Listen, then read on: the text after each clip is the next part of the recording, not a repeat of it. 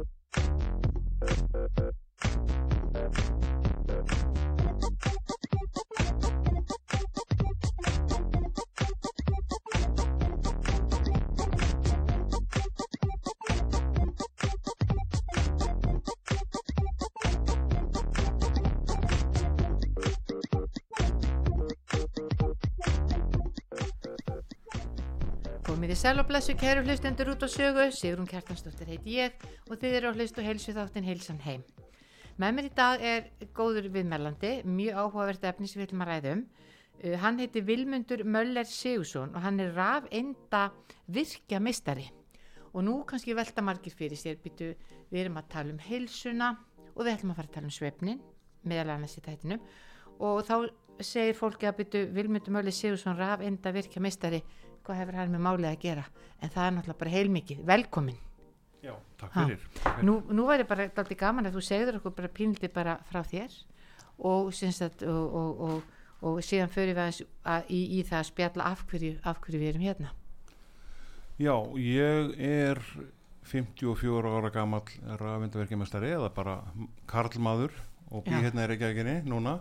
Ég er nú ættar á Suðunisum, Grindavík uh, og á, ættir að reykja norður líka. Uh, þaðan kemur mölusnafni á, ásamt því að eiginkon, eiginkona mín er nú á dönskum ættum og þaðan kemur líka mölusnafnið þannig að ég, mölurinn er, er þar já, frá eiginkonni og hérna uh, þannig að uh, síðan hefur maður í raun og veru bara alist upp þarna í Grindavíkinni og, og farið í skóla og lært þetta þessa rafendafræði eða rafendavirkjun og, og svona farið í gegnum lífið og starfað sem rafendavirki í áratugi getur við sagt. Og hérna síðan eh, svona að þegar maður er nú mjög tæknilega sinnaður þá hérna eh, kaupum við þarna ákveðna uh, sérstaka þrýstjöfnunar uh, svona dínu eða rúm fyrir svona þess ekki 17 ár síðan núna og sofum á henni í 11 ára heilsudínu heilsudínu, einmitt get- auglist sem já, heilsudína já, ég meina, þú, þú kaupir þér í raun og verið heilsudínu því að þú ert bara þreyttur vinnur mikið og, og þetta bara voru allir að gera og er allir að gera já, Já, algjörlega og ég fell alveg og við og kannski meira ég fell fyrir þessari tæknilegu lýsingu, þrýstjöfnun og, og alls konar þannig og einhver hátækni efni sem eru notuð og svo leiðis og hérna þannig að, að og það áttu nú að fara að taka heilsuna svolítið í gegn hérna líka þegar maður var hérna að verða þrítugur og búin að vera að slaka þess á það áttu nú að mæti kauruboltan og svona og aftur og hérna þannig við vestlum þetta og svo bara fljótlega eh, og ég byrjaði í Old Boys aftur og, og stútaði með vinstran nefnum fljótlega bólgur já, já, fyrir aðgerð og, og, og svo heldur þetta áfram það er einhver förðurlega einkenni í gangi og svo fyrir að koma þreita og, og maður heldur að sé eitthvað rosalegt álag í gangi og það er náttúrulega álag í gangi með börn og svona og, og hérna þannig að maður svo sem hugsaður ekkert meira út í þetta og er síðan hérna á fullkomnastu og flottustu heilsudínu og grunar ekkert að hún geti verið einhver þáttur í svona þreitu og alls konar kvillum sem eru farin að hrjá, mig sko. Og vanlíðan líka já, og já og síðan svona þetta, þetta svona þróast í 11 ár á þessari dínu já, já, já, og svona undir lokin þá er maður farin að vera með mikla bara vanlíðan gífurlega þreytu og bara eins og maður sé með svona útbrennslu enkenni eins og maður er að heyra af. Eða eins og maður hafi veikst af, af miklu rakaskjöndum og uh, er orðin svona ofurþreyttur, vaknar þreyttur, uh, þarf að leggja sér setni parta ég var uh, komið húðvandamál uh, alls konar svefn uh, vesen, vaknandi fjóru sem að nóttu, drekka, pissa gífurlegur nætusviti og, og þessi þreytu enginni og svona bara ofur þreyta uh, ég var með bólgur í nefhóli kynhólu síkingarögla og, og, og svona í koki og, svo var ég fann að missa hárið kom með skallabletti og ég var bara farin, ég vissi ekki hvað var í gangi búin að ganga millir lækna í mörg ár og að reyna að tjekka á hinnum ímsu enginnum en ekki kannski sameiginlega á mörgum einu heldur voru sitt, sitt hver sérfræðingurinn hvað skiptið. Já, já, og uh, aldrei fannst neitt og hérna svo að lokum ákvæði nú að þegar ég var orðin, ég var orðin mjög slæmur en restan að fann að halda að ég væri bara með einhvers konar krabbamenn eða einhvern sjúkdóm sem að væri bara ekki almennlega uppgötaður eða sjálfgefur og hérna þannig að ég fór svona að googla og tjekka á enginum og, og svona lokum fór ég að hugsa svona í útlökun aðferðum hérna hvað svona hvað hefur breyst hjá mér í lífinu sko. þá vorum við búin að flytja nokkur sinnum og, og selja búslu og fara til Danmörkur og koma tilbaka og, alltaf fylgdi dínan með sko. af því hún var svo flott Já, hún var já, svo já, mikil heilsudína og, og dýr og við verðum hreinlega að kaupa okkur ódýrari bíl og dýrari dínu þegar við fórum í þetta sko. Já, þetta já. var, var alveg það dýrt og hérna þannig að hún fylgdi alltaf með þessi frábæra heilsudína og hérna og svo að lokum hugsaði bara ok, nú við búin að flytja þetta mörgursunum og uh, losa okkur við búslóð og hitt og þetta. Það er bara dínan eftir. Þannig ég fóð bara inn á neti og googlaði problem with getur sagt bara hérna memory foam uh, þessa tegunda dínu og hann er búið að vara mig við, ég má ekki nefna nafnið sko, þá er alltaf hægt á því að verður bara að fara í mál við mig Já, já, enda líka, þú veist, við þurfum ekkert að gera það, þannig er kannski spurningin bara að vekja aðdegli því það eru Já. getur margir verið í þessu. akkurat og þetta er svona Og, er og, raun og þetta, veru- og þetta er er- búið og gert. Já, og þetta er í raun og veru það sem er að gerast að þetta er alliða yfir mörgmerki, þetta er yfir þessa tegund af svampi, sko, sem er þrýstujöfna svampur og veru svampur og jafnvel latex sem að inniheldur svona ákveðin manngerð efni.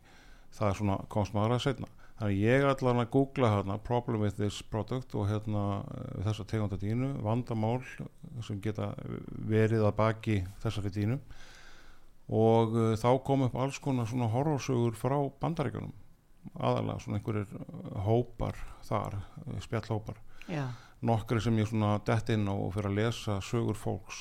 Og uh, þar er bara fólk að halda því fram að það hafi veikst af svona svampi eða ættingar hafi veikst eða ættingar hafi jafnvel dáið sem er nú bara alveg ótrúlegt en, en þarna, þetta var, var fólk að halda fram. Þannig að ég prófaði bara, ég náttúrulega fekk alveg sjokk þegar ég sá þetta sko. Þannig að ég prófaði hérna bara að skipta út kottanum. Ég var með svona kotta líka, svona með svampi heilsukotta og ég prófaði að skipta honum strax út. Og bara á nokkur dögum verði allir miklu betri allir léttari svona í, í höfðinu. Og ég var í raun og veru með líka höfuð bólgur sko sem voru að valda hérna miklu ofnæmi. Ég var að leiðin í svona ofnæmis sprautu meðferð sko hjá ofnæmisfræðingi sem ég síðan þurfti ekki að fara lengur í eftir ég lagaði málin. E, þannig að þarna sá maður þetta að, að hérna, þennan, þennan þessa hópa og, og þessa umræði og, ég skipt út kottanum og verðum allir miklu léttari til að byrja með og síðan svona fjórum viku setna náðu að skipta út dýnunni. Og þá fann ég miklu meiri breytingar á, á líkamannum og var allir léttari og, og bólgur minguðu ég hafði eiginlega gengið eins og spýtukalli og styrður í liðum og, og hérna ég var með svona vefjagektarenginni og, og, og liðgektarenginni draugaverki um alla líkamann líka og þetta fór alltaf lagast. Og ég fann mikið mun á einhverjum vikum og svo mánuðum og, svo núna eru liðin 5-6 ár og, maður er að finna ennþá bætingar. En, en þarna var, var mestu breytingarna voru fyrst þannig að líka með fór aðalega að losa sig við bólgur þegar fór af svampinum og sem að náttúrulega skiptir má segja bara mestu máli það er svo mikið að fólki að glíma við bólgur í dag já, já. Bólgurnir eru oft undirstaða annara veikinda. já, Líka maður byrjar að bregðast við áriði með bólgum, sko. já, akkurat Já, þannig að þarna uppgötaði ég þetta og fer að við förum á betri svefuru og hérna síðan svona þrem mánuðu setna, fjórum mánuðu setna þá stofnaði ég Facebook-hóp ætlaði bara að sjá hvort að einhverjir hefðu lendið því sama og ég sko, bara einhverju tveir, þrý, fjórir ég vissi ekkert hvað var í gangi með þetta sko, vissi Nei. mjög lítið. Þannig ég stofnaði þetta, þennan hóp segi mér að sögu og uh, það verður allt brjálað og hérna fjóðust manns komin í hópin á tveimur sólaringum Já, já sæll, Nú- segir maður eins og Pétur Jón, ha, þannig að fólk var greinlega að kveikja já, og mjög áhugavert um þessa sögu. Já, og uh, það kom fullt af svipuðum sögum inn í hópin strax. Mhm, margar sögur. Uh, það er nú síðan, mis, mikið hvað fólk vil tjásu um þetta. Maður hefur heyrt að fólk er ekki, almennt ekki að bera þessi veikind á borð. Þetta er svo svolítið erfið umræð og erfitt að skjóta, að hann niður. En það var allan á þeim tíma. Þannig að þannig er komið 4-5 manns í hópin á nokkur dögum og ég er bara kallaður á fund hjá þeim sem selja þessa dínu hérna á Íslandi og spurðu hvað sé í gangi og við förum yfir málin og og það er með sig að möguleika því að það sé mikla í dýnunni. Þannig að það er skoðað og, og það kemur ljósað það er mikla þannig að það er líka mikla í já, mörgum öðrum, margir aðri segja sög á því að það sé mikla í efsta yfirborði dýnunar já, sem já, verðist vera fylgikvöllur þess að við svitnum svo mikið í svampinum já, og já, og svo náttúrulega margir svitna líka mjög mikið og bursið frá því að það er auðvitað ekki gott ef að viðbrið, viðbrið dýnuna verða, verða þessi, sko. Já, og það er raun og veru virðist vera svona eftir að sjá að, að, að þegar að maður er að taka inn þessi útgufunarefni sem er í svampi, svampur er gerður úr ólíuefnum, Já, þá fer líka mann að reyna að hreinsa út líka í gegnum svitan, já, þannig að hann svitna meira oft á tíðum. Og þá er meiri hætt á miklu, þannig að þarna jógst sko og þarna voru marga sögur um það líka með mikluna, þá, þá komið svona önnur í raun og veru efnamengun í viðbót við efnamengunina sem fylgir með dýrni. Þannig að þarna sé ég þetta og, og, og stopnaði hann hóp og þarna eru komið mörg þúsund manns inn í hópin, hann heitir Er rúmi mitt að drepa mig? Ok, sem var bara það sem að einhverju heldur fram já, í bandarísku hópánu sko. Já, já, og þú náttúrulega varst alveg farin að finna einkenni og þetta var farið að, að þetta hafa mikil áhrif á heilsuna þína og lífið þitt. Já, ég var alveg, alveg bara í klessu sko, ég var bara farin að óttast um lífið mitt í raun og veru. Já, Ég síðan er núna í dag alveg orðin spriklandur hess og uh, finn engin sérstök vandamál hjá mig núna uh, en þarna fór þetta í gang með þessum hóp og þarna byrjaði þessi mikla umræða um þessi efni og þetta fór að svona snjóboltin fór að hlaða utan á sig, við fórum að sjá betur sögur fólks, uh, betur ímisveikindi e, lesa meira rannsóknum sem eru ekki margar og uh, svona alls konar þessar reynslusögur og maður fór að sjá betur og betur að svampefnin eru greinilega að valda þúsundum Íslendinga sennilega veikindum og tug þúsundum Íslendinga einhvers konar einkennum sko. þannig einhvers konar, þetta er að svona í raun og vera að hamla okkar lífi eða hafa áhrif á lífskeiði e, þessi efni. Og þarna virðast vera rókjörn lífræn efnasambönd í svampi það sem að í raun og veru svampur er bara plast og miksta tegund af plasti.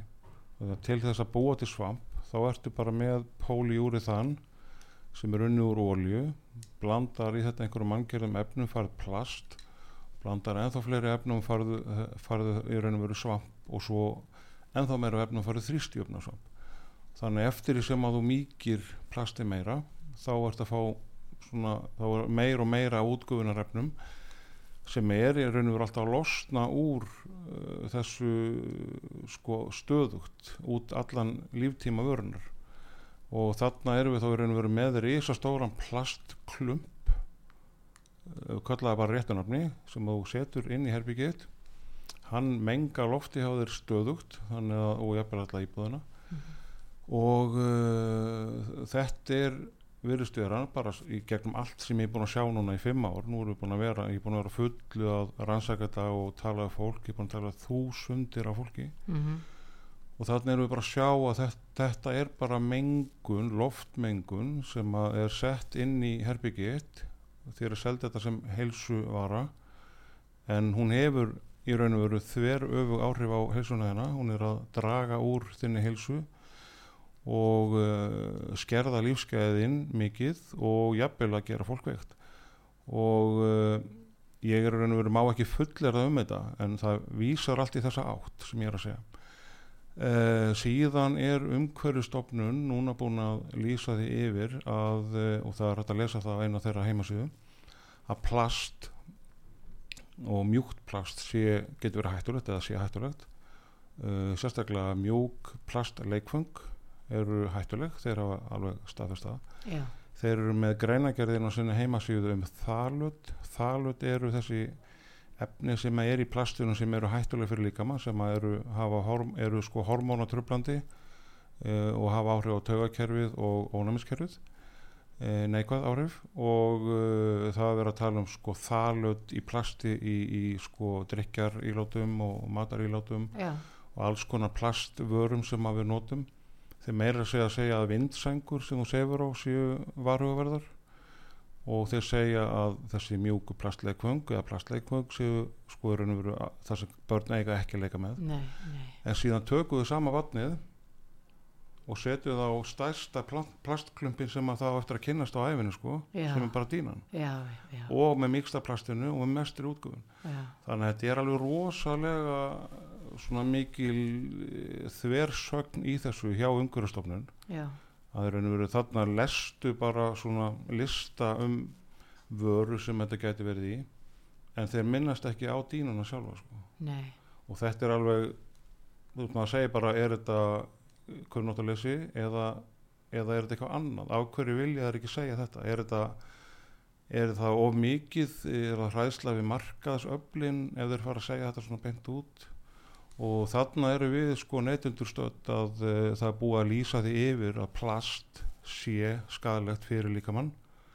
Sinn og sérstaklega eftir þess að maður mýkist meira það er bara búið að lýsa því yfir af okkar umhverjastofnun en uh, það er svona mikil þögn eða tabú að segja að dínan stæðst í plastkrampurinn sé mengunumvaldur sko. Já, að, eh, en meðan að við erum sjálf og við erum að hreinlega að stopna svona aðstóðar að hjálpar eh, hérna fyrirtæki eh, fyrir fólk sem er að veikjast, þúsundir sem að hafa veikst, sem að við höfum séð bara, nú er sko þessi Facebook-hópur er rúmum við að drepa mig, hann er komin í 10.500 manns já, sem er að tengja við þetta sem ég er að segja. Emmitt, emmitt uh, á meðan er landlæknir sem ég er nú búin að tala mörgursunum við á meðan bara þeir hann þunnu hljóði. Hann veit af þúsundum veikra að út frá uh, líklega þessum efnum uh, skadalegum efnum og uh, ákveður að gera ekki neitt. Og þetta segi ég er bara stór hérna, alvarlegt mál að láta stóran hópa fólki vera veikan áfram án þess að fara í alvöru aðgerðir. Ég hef nú mörgu svona sagt við eh, Ölmu og hennar fólk að þau þurfir hreinlega bara að byrja því að fara á stað og kanna umfangið og, og, og svona greina vandamálið og, og, og raun og veru þá eh, sagt á móti að þau get ekkert gert það sem að vísendalega ranns, rannsóknir skorti já, já, já, á því að þetta sé svona. Eh, sem að ég er ennur segja bara það er bara lélega afsökun af því að þau þurfa að þrýsta á það að vísendalega rannsóknir verði gerðar.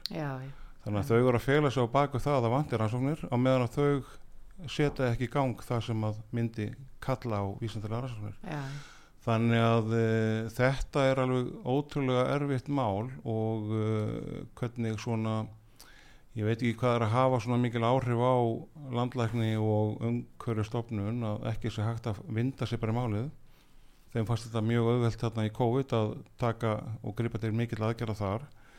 En þarna faraðu alveg í vörn og vilja bara ekki gera neitt og þau vita allt um málið landlækni veit allt um málið og, og umhverjastofnun ég held að um, umhverjastofnun hefur verið að vinna þó einhverja vinnu í plastmengunarmálum. Já, þannig að þau meðan að fá hrós fyrir það.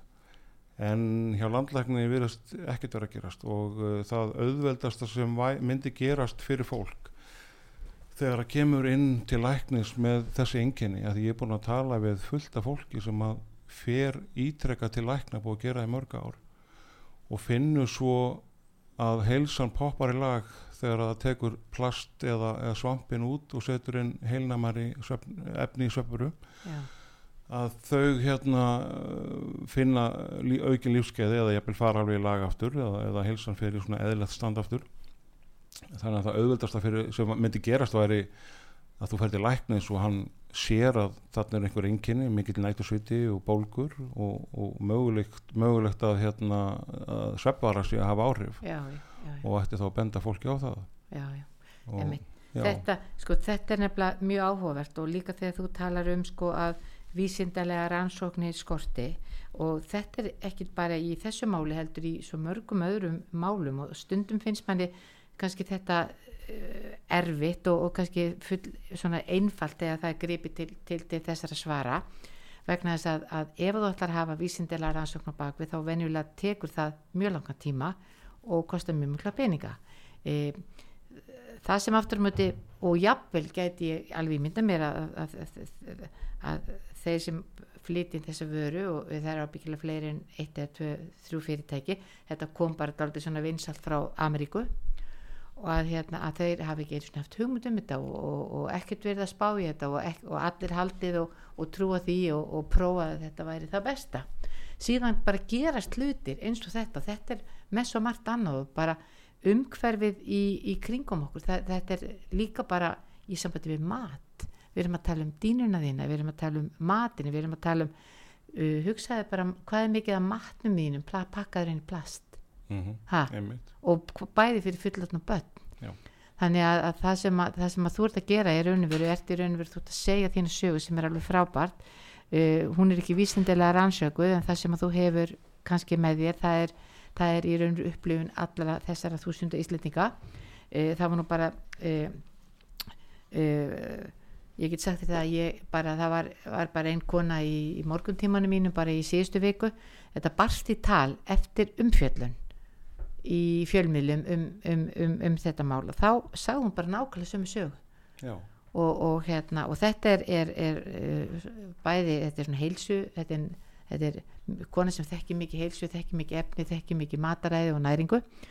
Og hún hafði bara nákvæmlega sömu sögu að segja. Hún, hún, hún, hún talaði um svitan hún talaði um verkina hún talaði um bólgurna, hún talaði um höfuverkin og, og, eftir að hún þess að þessu og skipti um hún skipti um sko, hún skipti um að því að þetta, þetta getur líka náttúrulega verið í sko, e, sanginni þín, þetta getur verið í kottaninni þetta getur verið í Já. þannig að, að maður þarf að passa, passa þetta vel og, og þetta er trúlega bara það sem þú ert að gera núna, þetta er bara byrjunin og, og, og alveg frábært að fara af stað með þetta því að, því að, og alltaf þegar farið er af stað með eitthvað nýtt að, þá er sá sem er fyrstur í flokki, hann er aldrei hengdur. Jú, Ha, ofta til já, hann er aldrei hengdur og þarna bara skiptir þetta máli að, að, að þú þetta þú hefur ekki þetta, þetta hefur erfitt og þú hefur ekki gefist upp og þú segir bara söguna og, og ert með fólki á bakviði og, og þeirra, þeirra reynslu. Það, það kemur að því öruglega að það verða og það er öruglega verið að skoða þetta á þess að við kannski vitum það. Og Já. einhverjum tímapunkti verður þetta kannski bannað eins og margt til dæmis tökum bara dæmi, var, var ekki einhvern tímann bannað að borða bláan ópala því í því var eitthvað jú, ha, Eitthvað þannig, þetta, er, þetta er bara svona dæmi. Já. það er bara, það eru fullt af dæmum bara ef við horfum tilbaka í alls konar hlutu matvöru uh, rú, uh, dýnum, rúmum húsgögnum sem að einhvern veginn fara á stað og enginn er átt að sjá þessu. Og það gerir það enginn viljandi að, að framleiða eða kannski flytin og allir haldi þetta það besta sem kemur í ljós að þetta er ekki svona og þá þarf þetta að bregðast við eins og þú ert að kalla eftir Já, og það er veru sko okkar viðbrað var að auka sko úrval eða að bjóða upp á möguleika fyrir fólks, fólk að hérna að fara í heilnæma sveppurum. Já. Þannig að við höfum verið aðstofa fólk með það. Og þið, eh, fór, þið fóruð í raun og veru bara það sem að þið fóruð bara í því að, í að leita að vöru Já. sem kom í staðin fyrir þetta og, og var ekki að gera ógagn. Já, í raun og veru bara að fólk hefði þetta val því að markarinn er óbáslega mikið svamp uh, sko, hann fer mikið í svampin af því að svampur eru auðvitað svo ódýri framneyslu og, og, og, og auðvitað eins og þú segir var þetta algjört undra efni fyrir 70 árum síðan þegar Já, þetta kom og, sko. og þetta var mjúkt og lagðist að líkamannum og, og, og eitthvað þess eru verið örugglega allt í lægi en, en, en svo kemur í ljósi að þetta er ekki lægi þá þarf þetta þá er nefnilega orðið sko, þetta er alveg sem með síkarturreikinga fyrir 70 árum sko, Já, þá var hann verið að hlæja svolítið á þeim sem að sögða að vera hættulega. Já, já, já, já, uh, og mikil mótstaða þeirra sem að framleiða peningaöflin að Já. sjálfsögum með mikla mótstöðu. Já, já, og það er náttúrulega bara það sama sem er að gerast í dag að þannig komið sko orðið svo mikil, mikil peningamaskina í svampiðinanum og fleira ég meina.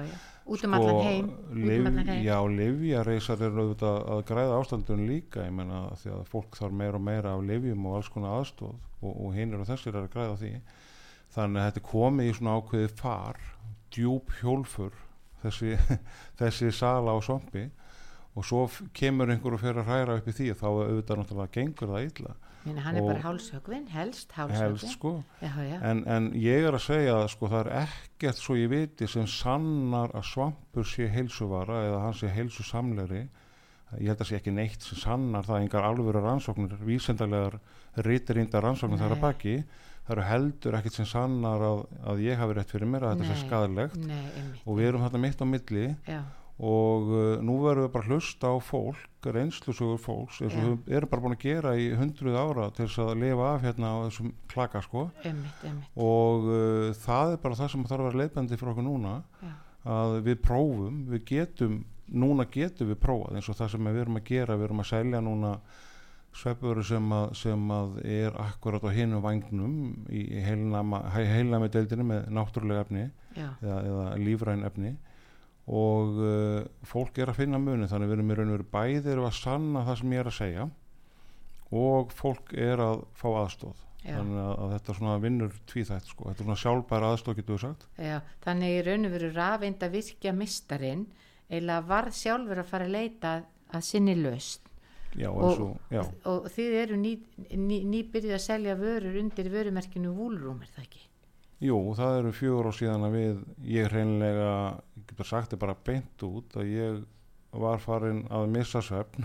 Já, út af því að, vi, af því að vita af þúsundum af fólki, þúsundir veikra já, sem að ekki það var ekki farið í viðbröð landlækni fór ekki í viðbröð við veikindum þúsunda mm og ég sá þetta fólk bara mjög skýrt í gegnum hópin og, og samtöl og ég hugsaði bara ég verð að finna eitthvað sem að hérna, getur hjálpa fólki ég, ég, við getum ekki beðið mörg árið áratví eftir einhverjum ansóknum sem að eða, eða s- þýjunlíkt heldur verður bara að reyna að gera eitthvað strax. Já, já, og auðvitaðst að vara að bjóða upp á heilnæmastu sveppuruna og nú getur fólk bara valið milli svamps og hennar það getur prófað okkar vöru. Einmitt, og uh, þá finnur það oft mun oftast finnur það góða mun sko. þannig að við þurfum ekkert meiri sannanir í bíli sko. við þurfum bara að finna munin sjálf sko. já, meðan sko vísindilega rannsóknir sem taka uh, mjög langan tíma og kosta ermyndileg, meðan að þær eru ekki fyrir hendi á. Og hvor- Það það er ekki vísindilega sannanir sem segja að þetta sé best, það besta og það er ekki vísindilega sannanir sem segja að þetta sé kannski að valda þessu skada. Þetta er eins og í livjagerinum. Þetta er alveg svo með öll bætaefni í, í hérna í, í hérna í livjagerinum að, að, að, að margir segja við bætaefni sem kom inn á markaðin lið- tökum, tökum bara sem dæmi liðbætaefni það er íslensk fyrirtæk sem fær í það að, að framlega liðbætaefni og þeir er, eru að vinna með, með kalk og, úr hafinu og, og svo fyrir þetta í framlegslu og, og þetta er prófað og svo kemur í ljós að þetta, þetta gagnast fólk, fólk talar um að það, það, það fær betri heilsu. Þetta er bara eins. Já. það er bara eins og þarna, þarna held ég að það eru þetta fólk verður bara hlusta og síðan bara meta og það er örgulega fullt af fólki. Og eins og þú segir í þessum hópum og mér fannst líka bara með áhugavert þegar ég heyrða þinni sögu og var búin að heyra í henni vinkonu minni varðandi hennar, hennar rúm og rúm allra fjölskyldunar að hún stoppar fyrir fram að mig og hún bara fornaði höndum og þetta var bara þetta var svakastort mál hjá henni. Þú lísti öllum einkennunum.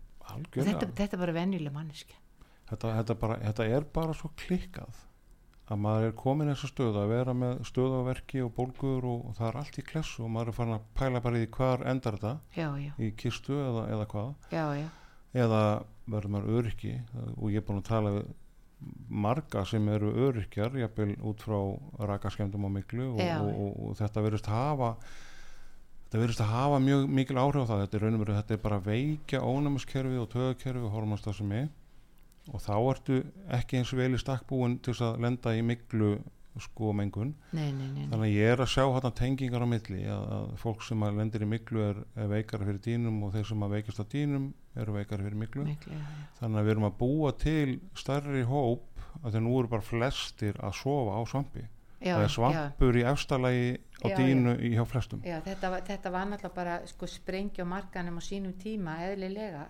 Já. það, það var ekki maður með mönnum Já. nema maður ætti heilsudínu og þá getum við sagt einmitt sko að hérna að, eh, að hérna hópurinn ef, ef allt er rétt sem ég er að segja að hópurinn sem er að, að veikjast eða, eða fá veikara kerfi út frá svampefnum í söpuru hann er alltaf að stækka og stækka og stækka. Og þá erum við komið miklu fleiri einstaklingar sem að e, eru orðnir svona næmir fyrir miklu og þá er miklu vandamál í skólum og í fyrirtækjum og, og viðar það er orðið miklu meira vandamál Já, fólk er er viðkvæmara meira veikt það er orðið Já, það, þannig að þetta er ekki bara byggingarefni og þarna mættu nú kannski bara byggingamarkarinn eða verktakar koma líka inn og, og skoða þetta með mér. Já, já, að hérna, þetta er ekki allt byggingunum að kenna Nei. þó að það séu kannski orðna verri, ég veit það ekki. En þetta er líka næmari, stærri hópur á næmara fólki. Já, já. Og, og ég ætla ekki að gera lítið úr, úr rakaskemdum og því öllu saman Nei, ég nei, veit nei. alveg hvað það er, mjög- það er alvarlegt mál sko. já, já, já. en þarna er samt fólk sem að sko segja minni rakaskemdir e, og, og, eitthvað svo leiðis myndu kannski grassera lengur ef að fólk væri ekki svona næmt Eða- ef ónæmiskerfið er að vera sterkara sko. já Þetta það já. kannski kannski ekki að rýma heilu byggingarnar í kvelli sko. það Nei. væri hægt að fara í svona markvisari aðgerðir já. Og við höfum alveg, og það er reynda hluta því sem við höfum að gera líka, við höfum að útvega loftrensitæki sem er að, að halda niðri miklumengun og höfum verið að aðstofa fyrirtæki og, og einstaklinga með, með það líka. Af því að það er hluti að þessu veikjöndu líka já, að maður verður svo næmur fyrir efnum í loftinu. Maður verður svona, maður færi í raun og verið efna óþól eins og ég og, og margi sem hafa veikst, eh, kannski þúsundir fáum efna óþól sem þýðir að við sko líka menn tryggerar svona óbáslega ykt á öll svona eins og ilmefni og, og alls konar efni sem að við finnum sem að eiginlega engin annar finnur fyrir. Og, og við tryggurum þannig að við svona förum eiginlega í veikind ástand, við getum voru sifjuð eða þreytti eða bólgur aukast. Já, og þannig að, að loftrensitæki er líka hluti af því að ná heilsu aftur. Það er að reynsa loftið alveg 100% heima. Já. það er ekki nóg að hafa 99% hreint. Hvernig er svona loftreinsi tæki? Er þetta eins og hérna, hérna rakatækin okkar eða? Nei, rakatækin geta verið varhugaverða að þau eru hérna geta, geta sapnað sko í sig miklu Já, já. eh, ef þau eru ekki rétt, ekki rétt reynsuð Já, þetta eru alveg þurrtæki með svona mótori og svo bara alveg þurrt svona síukerfi sem er þá hepa síur mjög fullkomnar og, og kólasíur já, og þannig að þá er þetta í raun og veru bara einfalt tæki svona lítið uh, sem þú fer bara með hann á gólf stingur í sambandi ramagn og það fer að blása loftinu aftur og aftur í gegnum sig. Það raun og veru tekur allt rýmið og, og loft skiptir rýminu eða, eða síjar allt lofti í rýminu kannski fjóru sinnum á klukkutíma. Já, og þannig í raun og veru sko lögum við uh, loftgæðin þannig að næmi einstaklingarnir við erum búin að setja þetta í marga skóla og, og, hérna, og svona stofnanir og fyrirtæki. Mhm, og fólk er jafnvel líka að finna fyrir loftgæða vandamálum út frá tölvuskjám og tölvubúnaði og alls konar búnaði sem er inn í, í hérna, skrifstofum já, já. og rýmum. Af því að þar er þegar plastið í öllum þessu búnaði hittnar þá fer það að gefa frá sér efni líka. Já, og þá verður kannski ákveðin loftmengun og uh, fólk fer að finna fyrir, fyrir þreytu. Já, og þá hefur við sett inn svona tæki og það lagar það líka sko. þannig raun og veru svona loftrensitæki með kólasíum er að veiða þessa plastagna mengun sko, sem kemur út frá þessum efnum í plasti og dýnum. Þannig að fólk sem er að reyna að ná heilsu aftur komast úr þessu að því fólk sem fær efna og þól eða veikist illa miklu fær efna óþól þannig það fer í óbúslega erfitt alvarlegt ástand. Það sem að líka mann er í stöðugri varnastöðu mhm. og þú einhvern veginn, þú funkar bara ekki eins og manneska sko, þú, þú ert Man- bara maður heyrir alveg sko sögur um það að fólk verði bara öryrkjar, það Já. bara get ekki unni og Já. það sé alltaf vanlíðan og alltaf þreita og, og, og, allur pakkin sko. Það er allt sem hefur áhrif líka mann og það er sérstaklega bara loftgæðin. Þannig að ef við náum að, að reynsa lofti alveg alla leið Mhm. heima og á vinnustað. Uh, förum í rétta dínu heilnæma dínu já, og pössum bara loftgæðin heima líka út frá umferðamengun þá hérna eru margir sem að ná sér aftur á streik þetta getur alveg tekið einhverja mánuði á sko, ég er búin að, nú er, ég, nú er fimm ár síðan ég uppgöta þetta með mig og ég get ennþá bætt mig sko. En ég, ég er náttúrulega hjá mér var, er leiðin bara búin að fara frá helviti til himna sko, ég, ég er á himnum núna ég er í, í frábærum málum en nú langar mig samt að bæta mig meira, ég er 54 ára gammal og ég er í, með frábæra helsu já, já, já, og ég er búin að fara í, í, í rannsóknir og, og það er að fara líka í breyðverkar blóðrannsóknir sem ég hef ekki mikið vita á en ég mæli með því að fólk fái sko, er ekki nóg að fara bara í þessar venjulegu blóðrannsóknir heldur að fara í breyðverkustu sem hægt er Mhm. fá sem flesta niðurstöður. Já, og láta svo bara greina þetta hjá einhverjum óháðum aðeins ekkert endilega læknunum, ég veit náttúrulega mislut hvernig læknandir eru að horfa á þetta held ég. Já, og þá eru til dæmis til uh, eins og greenfit.is ég var bara hjá Greenfit í gær. Já það, já, ok, og bara ég fór í þess að blóðrannsók já, og þetta test þeirra því að þarna er þetta bara spurningin um ástandsskoðun á þér. Já, Mér finnst þetta stór merkilegt og ég fekk, nú er ég er að kenna leikum alla dag og tel mér nokkuð heilbriða og, og, og lifa hóllu lífi, já, ég fekk fullta punktum. Já, og jú, ég bara, og ég, ég, ég bara get alveg tengt mig við það, já, en þetta er bara líka, þetta stýður allt hvort annar já og það er líka, og mér fannst einmitt frábært að fara til þeirra og hérna og við fórum bæði hjónin og, og hérna fengum frábæra niðurstöður og, og, og, og það er og veru staðfestir samt svolítið fyrir mér núna, ég er bara í mjög góðu standi, Já. það var uh, eiginlega allt saman á grænu hjá mér nema ég þarf aðeins að minka játni í blóðinu og, og ég þarf að passa um að taka D-vitamin og. C-vitamin og, og, og B-vitamin uh, en það er nú ekki alvarlegra en það. Nei, þannig að nei, nei. og auðvitað erum við að reyna að hreyfa okkur. Já, já, og hérna þannig að það var frábært að sjá þetta. Já. En þarna er sko loftmengun er núna staðfest að hún hefur ótrúlega mikil áhrif á hilsuna já, já, já, ótrúlega. og nú er, nú er sko eru, eru bara þvílíkar umræður í fjölmjölum um loftmengun í borginni. Já, og ég hefur nú bara viðvaranir það hafa komið viðvaranir þar sem að, að uh, foreldrum hefur verið bent á að setja börnin ekki út í vagn. Það hafa komið dagar fyrir einhverjum árum manni eftir. Já. En þarna, sko ég horfi á loftmengun í borginni sem miklu minna vandamál heldur en loftmengun í dýnunni já, ég er að sko loftmengun í dýnunni er 8 klukkutíma til 16 Já. eða 20 hjá börnum sko. Og þú ert svona við dýnuna? Já, ert- er ert við- alveg klest ofan hana já, og þú setur sengina yfir og, og, og, og svo getur þetta verið í kottanum. Já, og þarna ert þú bara í svona eins og í eiturefna hilki að sjúa þetta inn bara og þú hita dýnan upp í 37 gráður. Já, já og þá já, eikst mengunin eftir Já. sem hitin eikst og tímalengdin er þetta mikil og þar á leiðandi er, segi ég líklega ert þú að taka inn miklu meiri loftmengun heldur en það sem er- í borginni núna sko. Og flugaldamengun ég segi þetta er allt svona smáægilegi þættir miða við dýnuna en auðvitað er þetta allt alvarlegi þættir. Já, þetta er alvarlegt.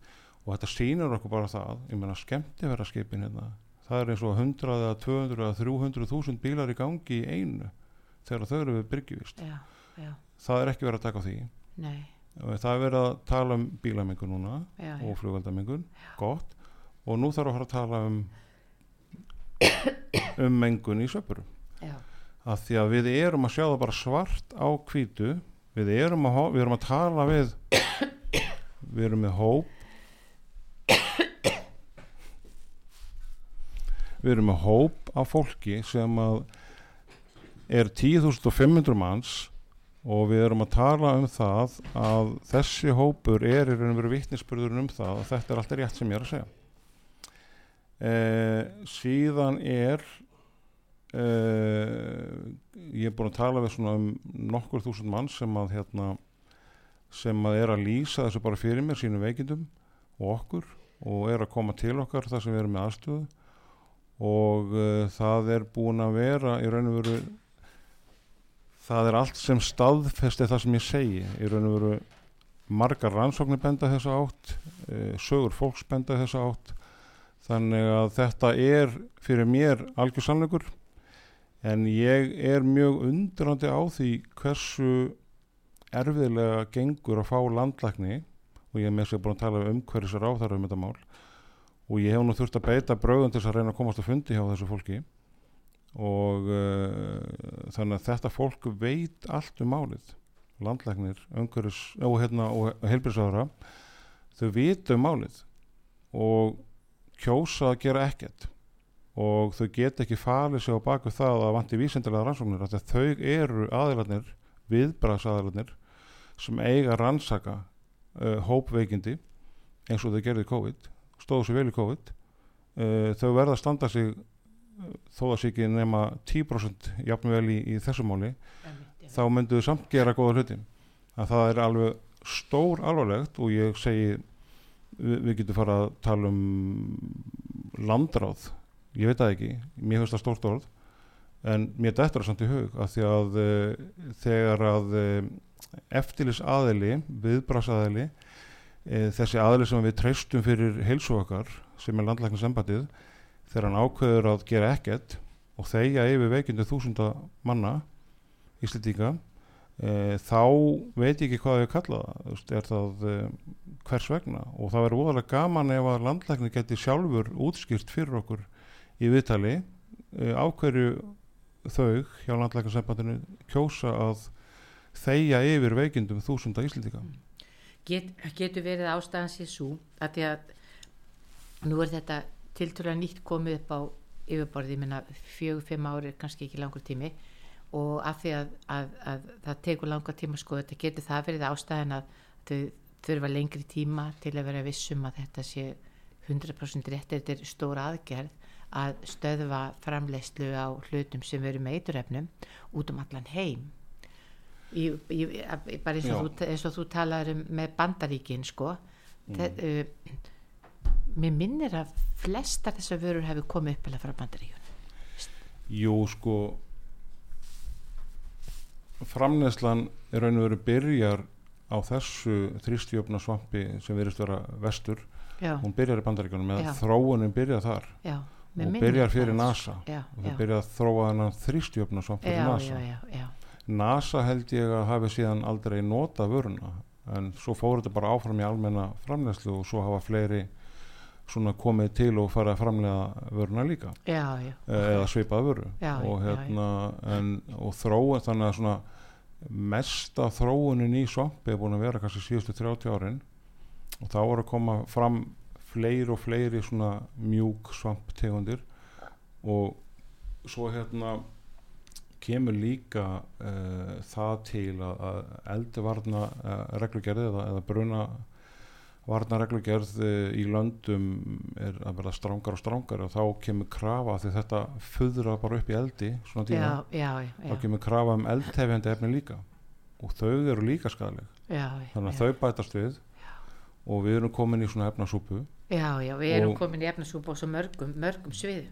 Já, já. en þarna vil ég meina út frá þetta sem ég sé að, að svampdínan sé það allra versta af öllum þessum efnum í okkar umhverfi að því að við erum svo lengið þarna og við erum í svo náinni snertingu að ég, mér finnst ég sjá það að þetta sé það sem er að veikja fólk mest Já.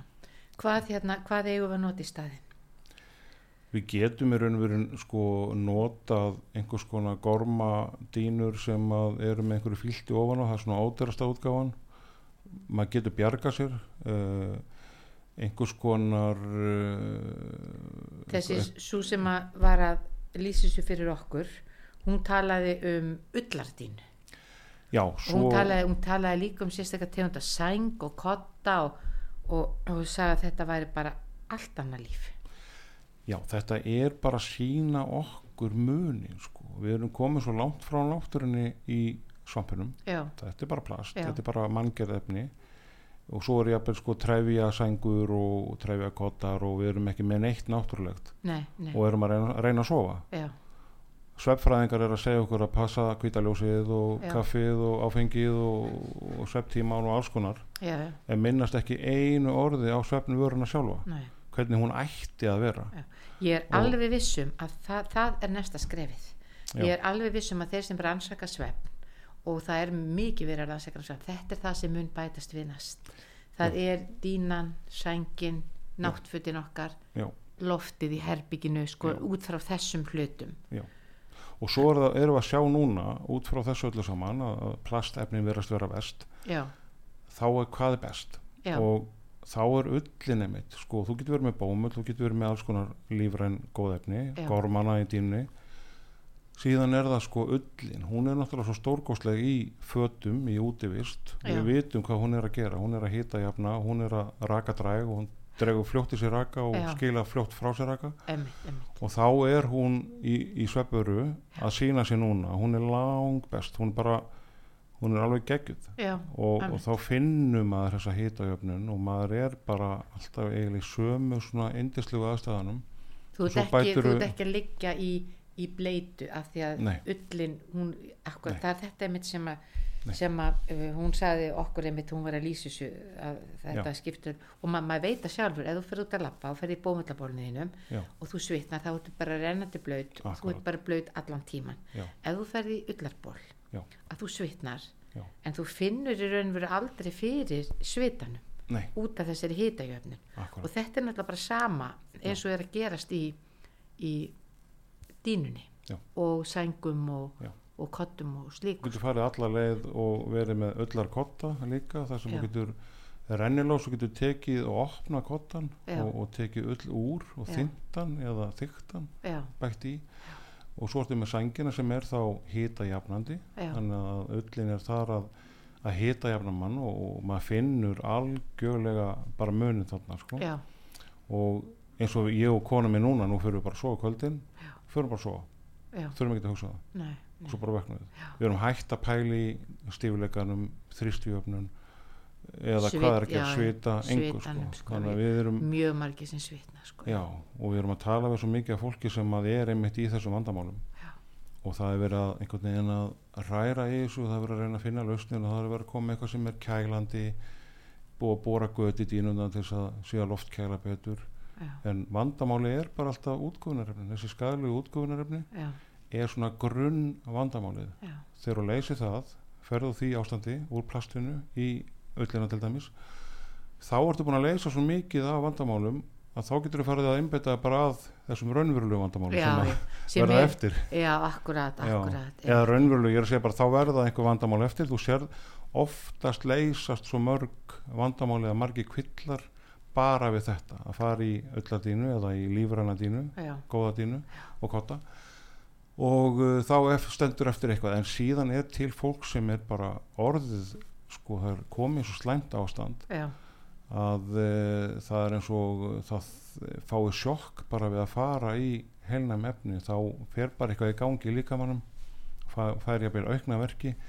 Fólk sem hefur vext illa miklu og svona það á erfitt með að koma sér tilbaka og er mikla aðstof Mm. og þarna ég er alltaf að kalla eftir þessu. Ég er alltaf að kalla eftir því að umhverfistofnun og landlæknir landlækningssambandi það verður skipaða starfshópur sem fyrir saman yfir efnin og veikindin og fyrir að rannsaka þetta. E, læknar þurfa að fara að greina þetta og fara að benda fólki á. Það þarf ekki að sanna neitt til þess að þeir gera það.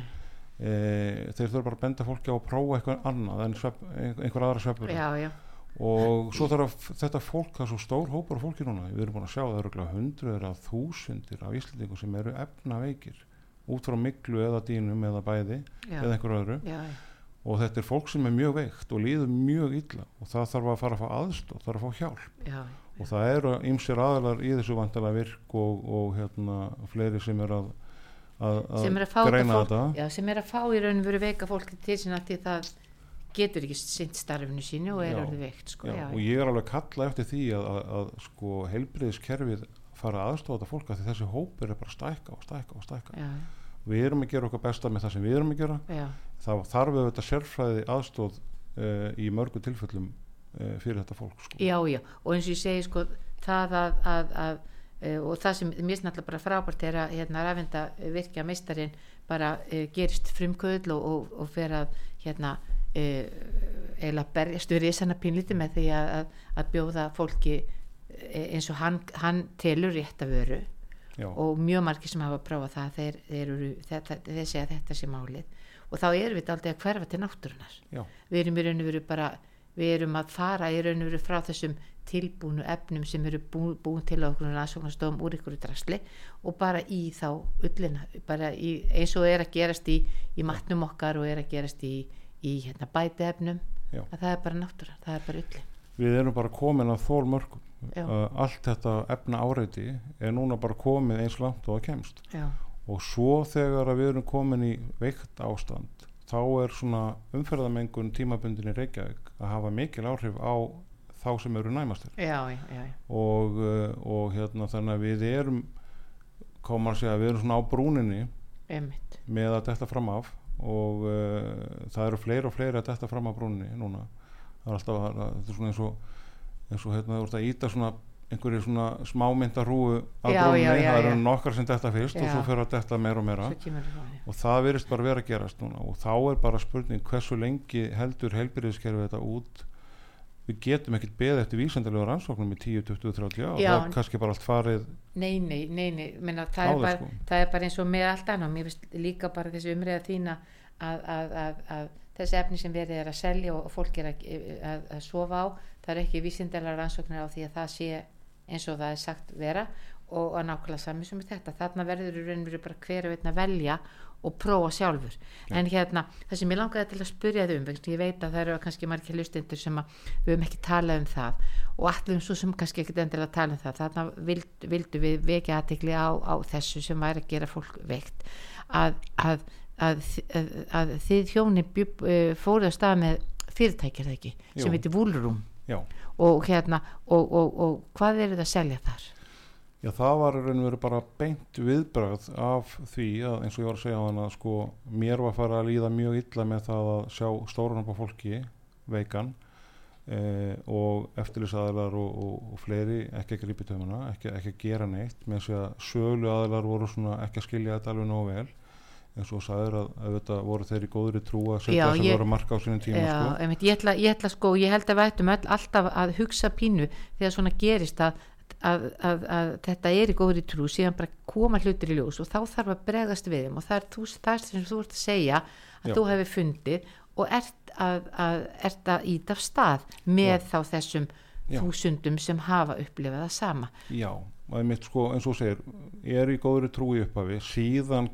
kemur ímislegt í ljós já, já, og þá þurfa aðilar að bregðast við já, já, en já, já. það er það sem ég er svona að já, gaggarina en ég hef ákveðin skilning en mér langar ekki að hafa skilning við eigum ekki að hafa skilning á því að fólk sé að draga lappindan í viðbröðum þegar fólk er veikt já, já, rétt, uh, rétt, rétt. því að það svona segir bara ég, ég vil ekki hafa skilning á því Nei, en ég nei. hef skilning á því en Já, já. ég vil ekki gefa þeim það eftir að hafa skilning á Nei, því nei, þú, þú, ert, þú ert bara í þessu, þessari baróttu að, út, af þinn, þinni upp, þinni upplifun og trú Já. og svoleiðis ger, svona gerast breytingar í heiminum það er ekkert öðruvis og síðan för, sko, sem viðbráð við þessu að því að já, ég var orðin svona komið ángist yfir því að, að, hérna, sjá allt þetta veika fólk og engin aðstofa leiðinni og hvað ég að gera? Já, ok, ég verð að reyna að finna einhverja vöru sem getur hjálpað þessu fólki. Það var vúlrúm uh, og uh, breskvara. Já, og fór að flytja inn, fórum opnum litla vestlun og fórum að flytja inn einhverja nokkra dýnur í byrjun og, og það svona gekk vel og, og hérna auðlustum aðeins og sögðum frá þessu hópnum og, og svo opnum við í raun og veru svona formlega fyrir tæpum fjórum mánu síðan og, og þá var bara röð út á götu fyrir framann okkur, fólk bara kom og beið og, og fólk beið úti eftir að komast endur sem máta eða prófa dýnur að já, það voru svo, það voru svo fáa dýnur. Já, já, Svo já, rými. og, hérna, og þetta gekk rosalega vel og, og þetta fór að vinda upp á sig og, og, og verða starra og starra og í dag erum við með svona fína starða vestlun og, og, og, og við erum búin að selja mjög mikið af dýnum og kottum og sængum. Og þarna er berlega komið ljós að það sem við veðjum á að væri besta svepparan sem er þá ullar sveppara sveppara sem inniheldur ull já, en er í raun og veru mjúk og fína utan. Þú finnur ekkert úr ullinu sko nei, nei, nei, og hita jafnandi þannig eru bara komið bestu efnin. Já, og þetta gengur frábælega sögurnar eru frábærar. Það eru hundruður eða þúsundur af sögur þar sem fólk er að lýsa því hvernig heilsan er búin að batna og, og lífskeiðin búin að aukast. Já, og uh, síðan hafa núna fleiri sögulega á söpuru fyllt í kjölfæri já, sko. já, já, já. nú er Ístegs komið sængur og kotta Já, bara frábært, meina þetta, er- þetta er það sem að baratna þín hefur kannski ítt úr vör og svona gerast breytingar. Svona þetta var besta aðferðin til þess að hjálpa fólki. Það var að fara þessa leið. Já, ekki að fara vísendalegu leiðina og, og reyna að rannsaka og rannsaka og rannsaka. Heldur bara að finna þetta bara. Við finnum bara munin fyrst er það bara vittnisspurðurinn hann, hann er svona til alls fyrst. Svo, svo náttúrulega er verður farið og kannski er verið að skoða þetta á þess að við vitum og þá, ke þá kemur þetta í ljós. En, en ég, ég segi bara alltaf eins og með þegar fólk er að segja, veist, virkar þetta vítamin, ég segi, eða vi- virkar þetta krep? Prófaði, Já. bara prófaði sjálfur. Þannig að hérna, þið eru nýbúin að nafna vefverslinu það ekki? Jú, já, það er, hérna, það er vúlum.is er það ekki? Jú. já volum.is og hvað eru þið til húsa? Ég er á leiðinni til ykkar. Ég er ekki, ég er ekki að grínast í, ég er ekki á góðu rúmi og mér líður ekki vel. Og í Nei. kjölfarið af heimsóknum til Greenfit, þá ætla ég bara að taka alla þætti Já, til já og það er það sem ég er að halda fram, ég er, að, ég er svo rosalega mikið að reyna að segja fólki þetta að svefnvaran er fýllin í herbygginu Já. þetta er þetta, er leynd, þetta leyndarmál þess vegna er ég svolítið súr út í svefnfræðingarna líka En þeir, Að- að- þeir, ég veitir koma. Ég Já. nefnilega þekki besta sérfræðinga á Íslandi, be, Já. besta, ég veit að, að Já. þau takit inn. frábært Já, og það vil ég að því að við getum ekki tekið svefnvöruna út úr jöfnunni Nei, þegar við erum nei. að tala um nei, og, og það finnst mér hafa verið gert svolítið mikið hinga til já, en það er að breytast og þetta er að breytast og finn, ég finn breytingarnar. Já. þannig að það er alltaf gerast. Já, til dæmis Og- sko, ég er hérna með fyrir fram að mig því við hefum oft talað um svefnin að þá að vera að tala um sko betri svefn og hversu bara margir íslendingar sofa illa og sofa lítið sem ekkert. Að þá, þá að vera að tala um þrennt. Að þá að vera að tala um sko að það sem skipt sem hefur áhrif á svefni það er mataræðið, það er reyfingin og hérna og og og og og, og, og hérna svona bara heila já, já bara, meina, ég meina þegar við erum að tala um heilsuna þá er þetta mataræði svefnin og hreyfingin og stór partur af svefninum er líka húsgögnin já, að því svo er verið að tala um heitt og kallt loft í herbygginu ekki borða eh, ekki drekka kaffi Já. en, en ef, ef þú spáir í þetta ef þú horfir inn í herbyggið þitt Já. hvað er mest af dýnum, Já. dýnan er stast í herbygginu Já. hún er sko og sængin bara yfir andlitinu við erum að tala um plastmengun hún er orðin almennt uh, viðukend sem, sem skafaldur já, já, uh, á meðan við tölum um plast og minka plast og taka í börtu plastpoka og svona já, þá höldum við áfram sko dýna sem eru svampi hún getur verið svona 60 kíló 80 kíló bara plast inn í herbygginu þetta er stærsti plastluturinn á heimilinu. Og hann er með mestu útgöfunna já.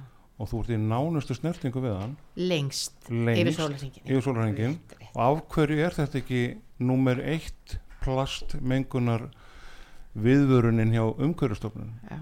Spyr ég mig sko. Þess, þetta er bara, þetta er bara stór skrítið Þú ert náttúrulega búin hérna- að, þú ert búin að hrinda staðalvi frábæri bara hérna baráttu.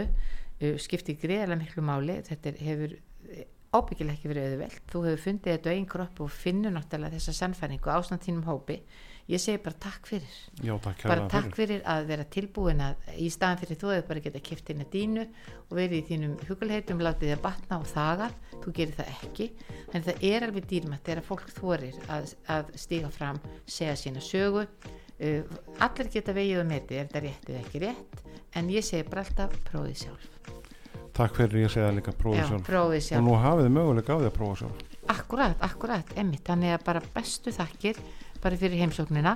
Eh, ég, þú, þú ert ekki búin að segja ykkur nógu vel eh, hvar er Vúlrún já, það er Woolroom- ekki, já, já, það er náttúrulega bara woolroom.is í fyrsta lagi, það eru allar upplýsingar. Og síðan er það eh, auðbrekka 24 í Kópavogi. baka til Já, í. Kópavogi. það er aftur bara, bara, bara, bara frábært. Og ég segi bara takk fyrir komuna. Uh, maður varð ekki uh, þetta, þetta, þetta fór ekki frem hjá hann þessi umræði í fjölmilum Já. og það er um að gera að skoða þetta betur, skoða þetta um kjölinn og eins og okkar loka orðverði í dag prófið sjálf. sjálf og við segjum bara takk fyrir í dag og eigið eindislega dag, kærlustendur